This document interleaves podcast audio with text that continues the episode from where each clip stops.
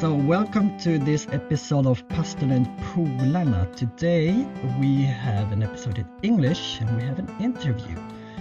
Uh, but before we go into the uh, discussion, let's have some uh, some context. We are going to have a discussion about theology today. Uh, you know, theology is a big and fancy word, and uh, it is very much related to the Bible and also to the church.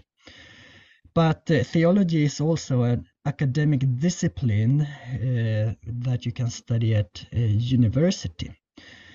It is also something every church member comes in contact with through sermons, Sabbath school, even your personal Bible reading at home, you, you encounter somehow theology. So that's what we're going to talk a bit uh, about today. And we're going to try to make sense of it uh, and make it easy and uh, accessible. And for that, we have a special guest, uh, Mervi Cederström. And uh, for those who don't know who you are, maybe you can introduce yourself with a few words. Hey, I'm very happy to be here. Thank you for the invitation, Anton. Um, I am Mervi, and um, we need to do this in English, not yet in Swedish, because I have not uh, been living in Sweden for very long, only six months now. But uh, I come from Estonia, and as my educational background, I am both a linguist and a theologian.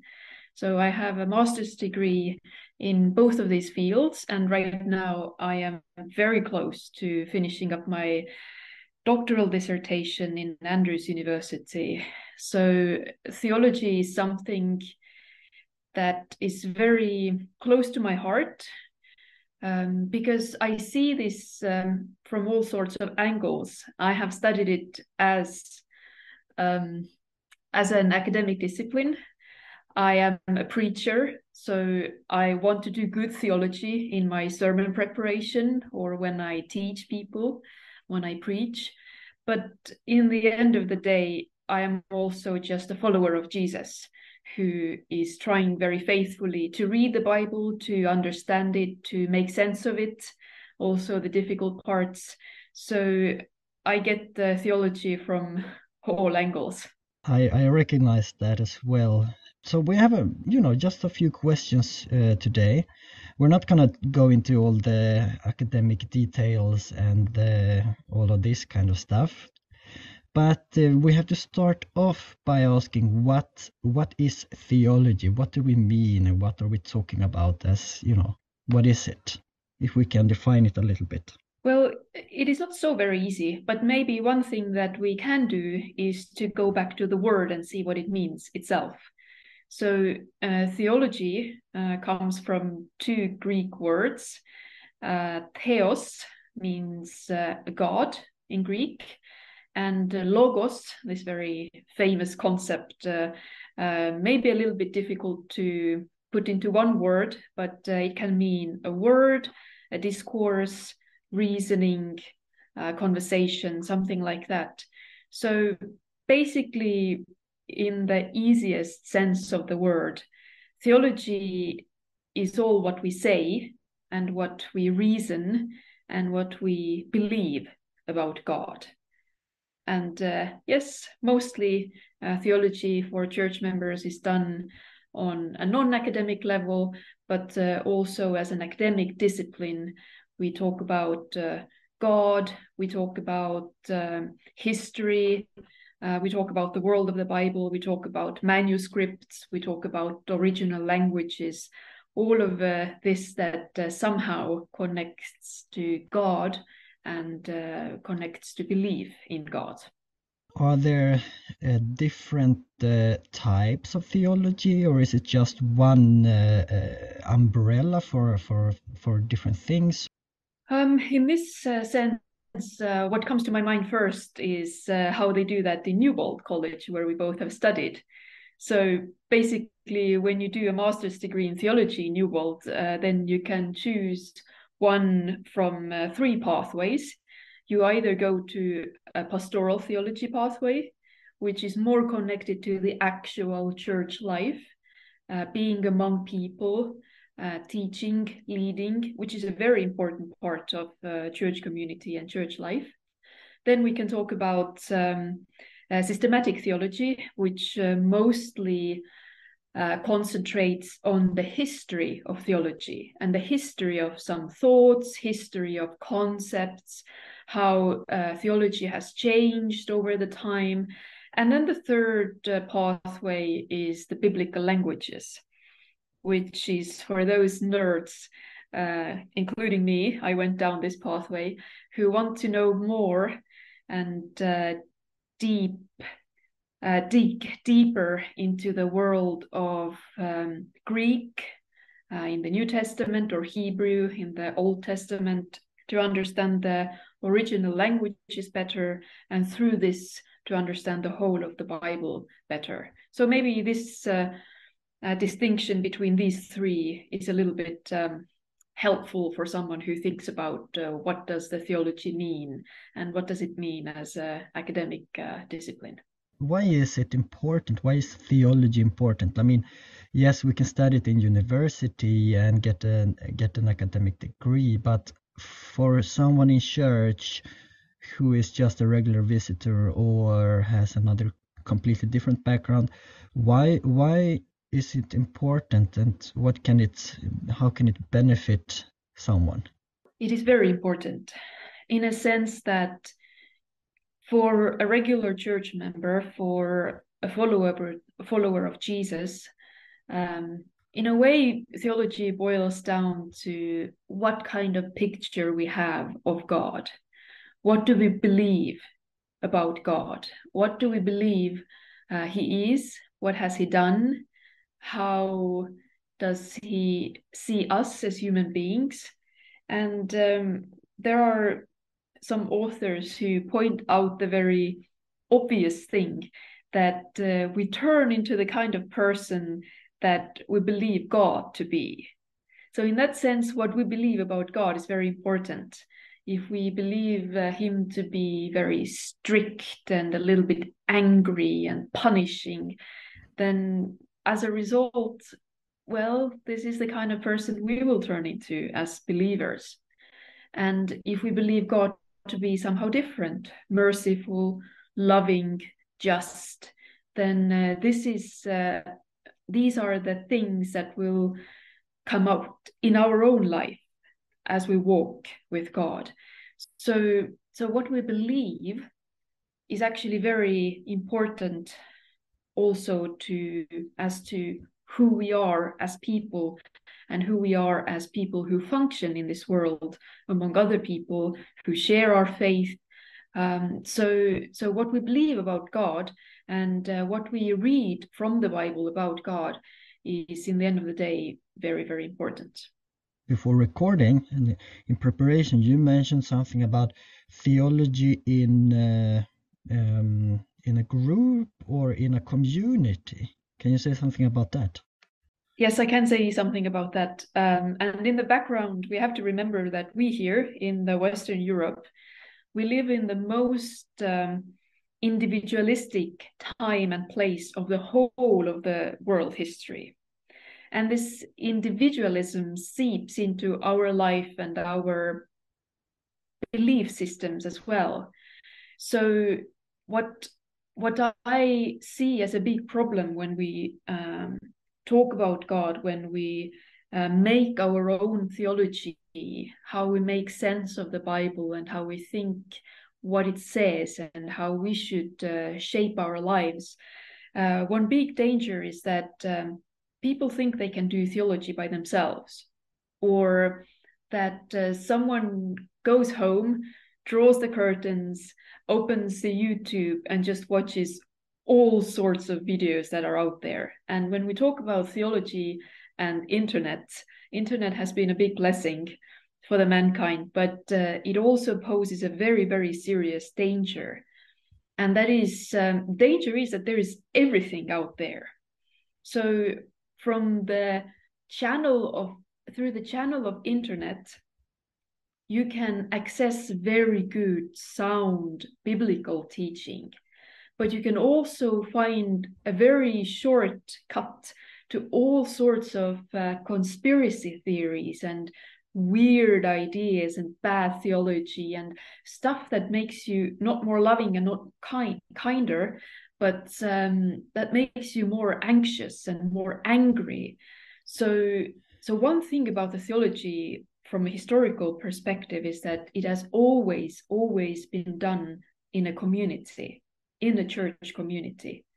And um, I think we can see it uh, also in our church how how this idea that you can just choose whatever you want to choose. You can watch whoever lecturer you think is good how it's actually bringing fraction and bringing uh, fights into our church. So i firmly believe that one way uh, of guarding a good biblical teaching is doing theology together with other faithful church community members. So, as a practical suggestion, when you are making a battle with some Bible text or some theological concept and you don't know the answer or you feel like you would like to know more, then you know forget about internet, forget about all that stuff is out there. Um, go to church go to people you can trust uh, go to people who have walked the way of discipleship for a very very long time. Uh, maybe an old pastor or an old uh, church elder someone you can actually trust someone you know bears the fruit of the spirit. Um, and talk to them about this and take this question to your bible study group on a sabbath morning uh, talk to trusted friends, talk to the church community, and um, be open minded and let them help you form your theology. Um, don't isolate yourself ever from the church community. This is a sure way into bad theology and uh, and bad faith, if we can put it this way. So I think it's actually very, very important that as a part of the people of God, and we are always called as a Christians to be a part of the people of God. We are not being called individually as much as we have been called collectively. It is important that our theology is shaped and being done inside the church community. I agree, and I see that. Um, we are coming into this right now, but uh, how and what, maybe what, uh, can a person do to access, you know, to access uh, theology in, in a simple way?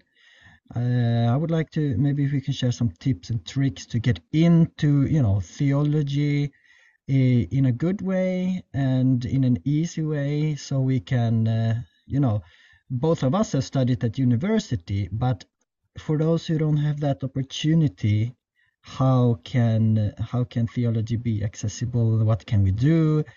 Uh, I mean, shortcuts. I don't know if there's shortcuts, but tips, tricks, hacks. I would like to begin with um, how we read the Bible, because this is uh, the basis of our theology. So, one very simple, very practical tip is read as big chunks as possible.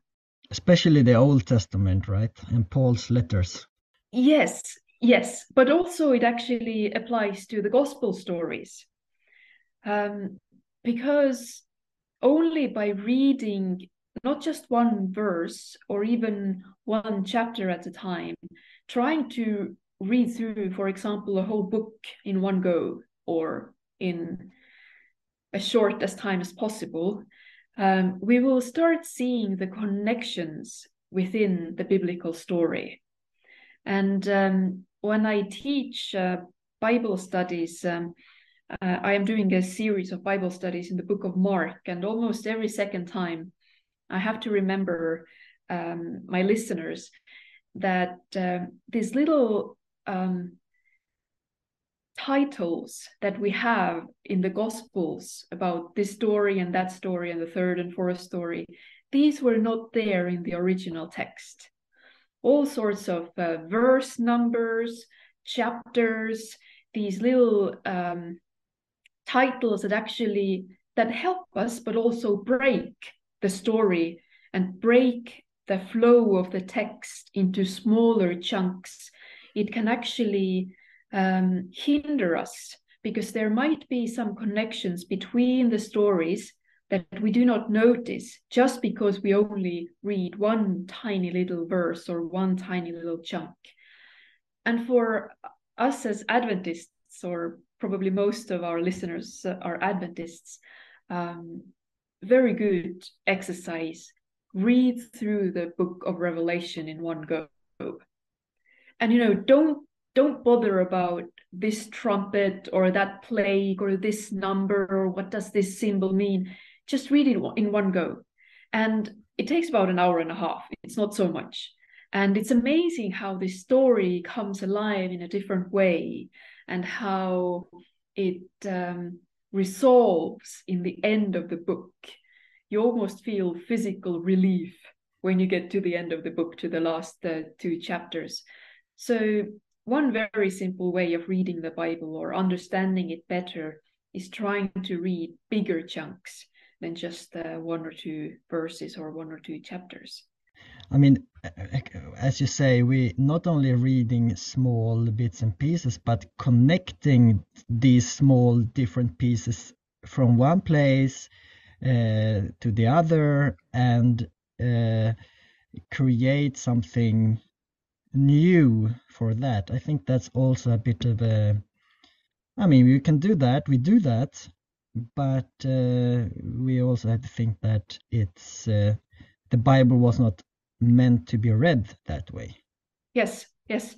Um, I think a lot of work has been done for us when we pay attention to the parallel texts. So we can jump uh, throughout the Bible and find the connections that are there. But of course, uh, we can also find much more than the little things sometimes in the footnotes telling us uh, what text this refers to. So yes, that is uh, uh something that uh, that we can do. Uh, second thing I would say is read the Bible in as many versions and translations that you can.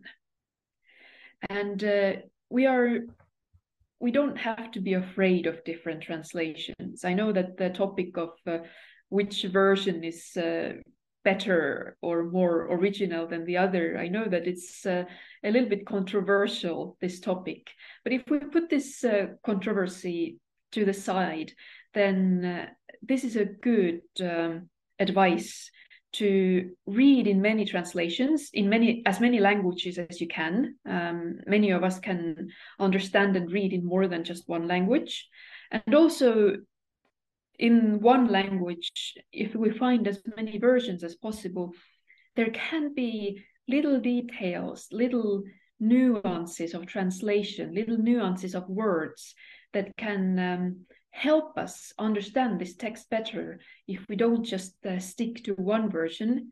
And um, for those of us who have read the Bible many times, sometimes the version that we are used to reading it, it makes us a little bit blind to little details just because the text has become so familiar to us.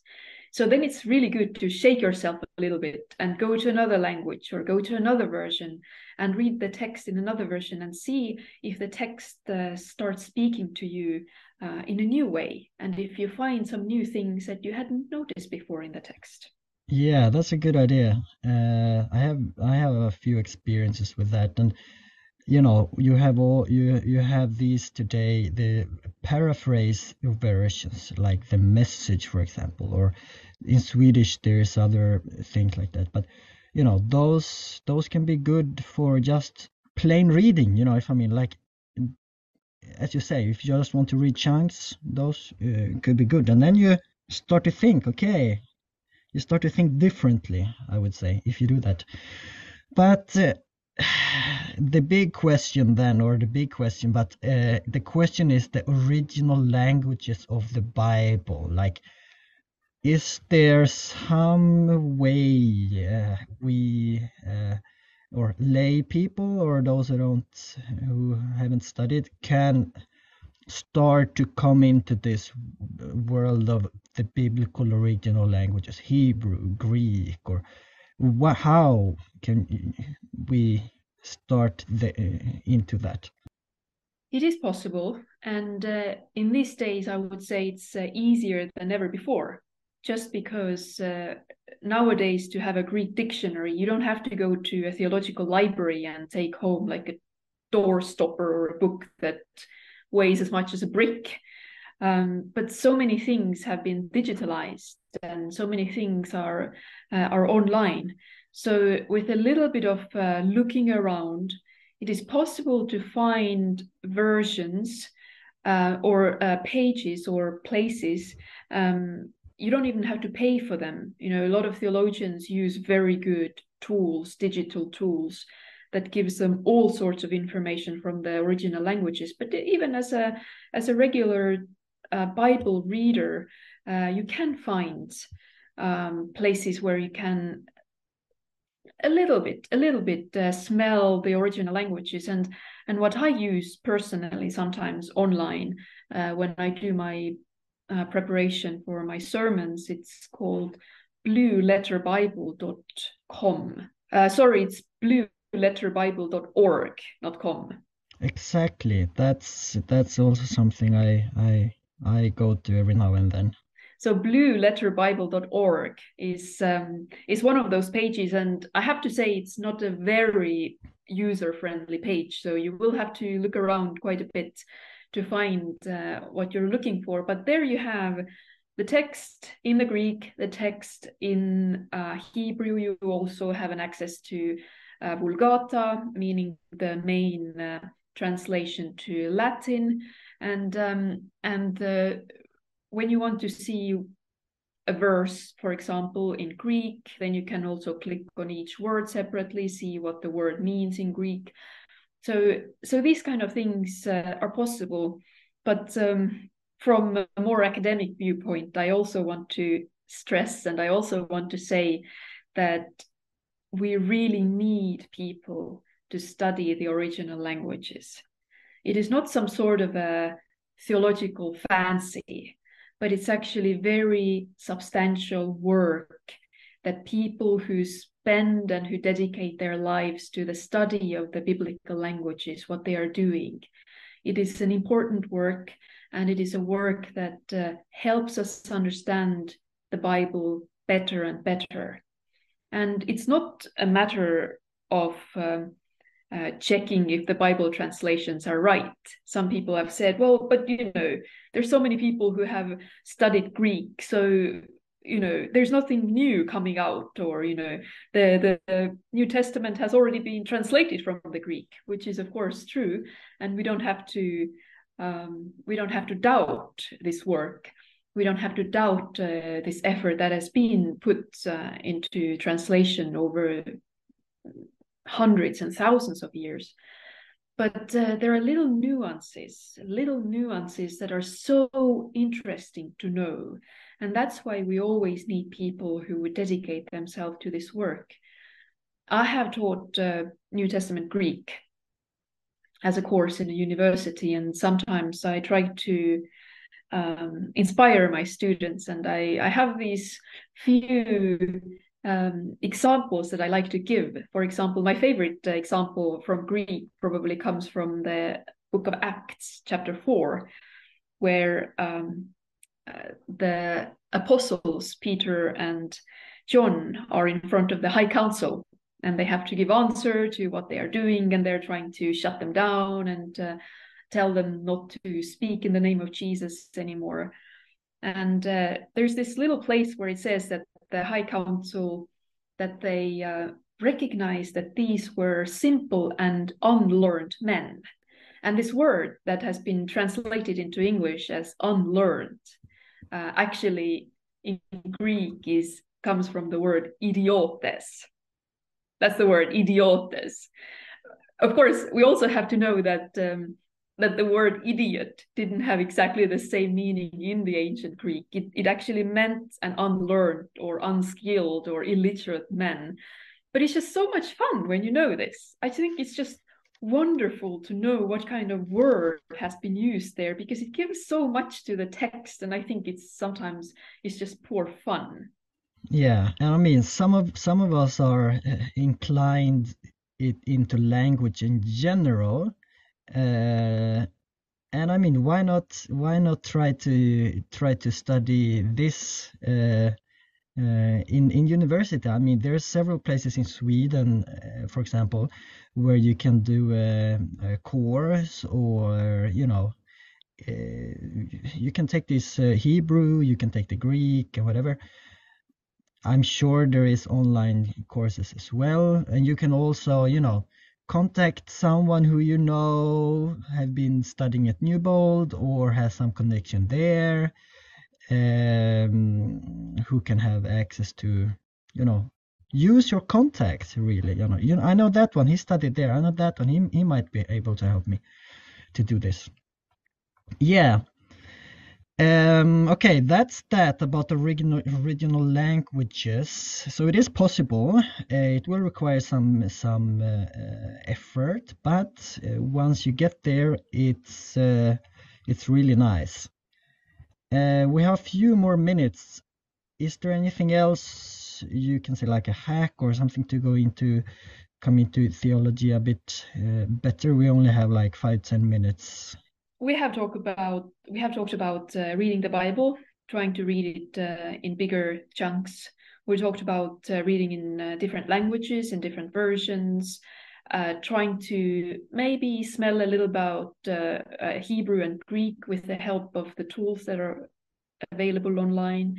And um, on top of also that theology is being done in a good community, good theology is being done in a good community. Uh, I would just add one more thing uh, to this simple um, process of doing theology um, as a faithful uh, follower of Jesus, and that is find a good commentary. uh, again, a lot of stuff is out there, but um, but right now, unfortunately, I have not been able to uh, work with it yet. I have not been able to look at it uh, closer.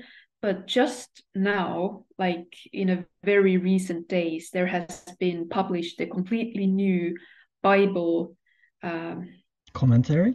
Bible commentary, thank you, in the Andrews University, an Adventist Bible commentary, brand new. Um, and just by looking at the list of uh, contributors, uh, the list of authors, I was very, very impressed. So, so of course, your critical thinking needs to always be switched on. That's one thing. When you read different commentaries, when you read different books, when you read different ideas, people come from different uh, uh, traditions from different places. Uh, but uh, but if you have a solid source that you trust and whose author or authors you can trust, then this helps you a lot doing good theology. So so get a good get the latest uh, Adventist Bible commentary, and I think this will be a very very good tool in your in your personal um, theology. And not only that but you know by by theological books in general like uh, it doesn't have to be commentaries it could be it could be other stuff. And i would also say that uh, if you want to have a real cool intellectual experience uh, go to uh, uh, books or stuff that you don't that you don't agree with uh, from the beginning. Uh, and read those, listen to those things, and like intentionally expose yourself to ideas that are different than your own. Yeah that's that's maybe a little bit like an advanced level. Because the, first you have to be sure like you have to be very uh, confident in what you believe. But but also i agree with you in a sense that um, that exposing yourself to all sorts of ideas um, your own intellectual work gets much more intense and uh, sometimes i feel it uh, when i am listening or reading to someone and i'm like very intensely working in my own head. I'm like okay i don't i don't agree with this because of that that that that that. I don't think this is a biblical approach because this this this this this. But uh, in this process i am also um, like stretching myself and i am also um, training my theological muscles. And i hope that i am you know becoming closer and closer to the biblical teaching in whatever topic it is. But uh, but i do i do um, agree that uh, different books can be very good uh, way for us to to do good theology. Yeah like one lecture at newbold he was he was stressing a lot of the time that you know start to build your own library get get your resources and you know physical yes but also digital you know you can save a lot of digital online but you know uh, books and hard copies could also be uh, really cool I think uh, I think that's probably it for today. Our time is running out. Uh, thank you for uh, uh sharing, and uh, I hope uh, some of you listeners are inspired to do some dig some some deeper into theology wherever you are, and however you think it's best for you. So thank you for listening, and see you another time. Bye bye.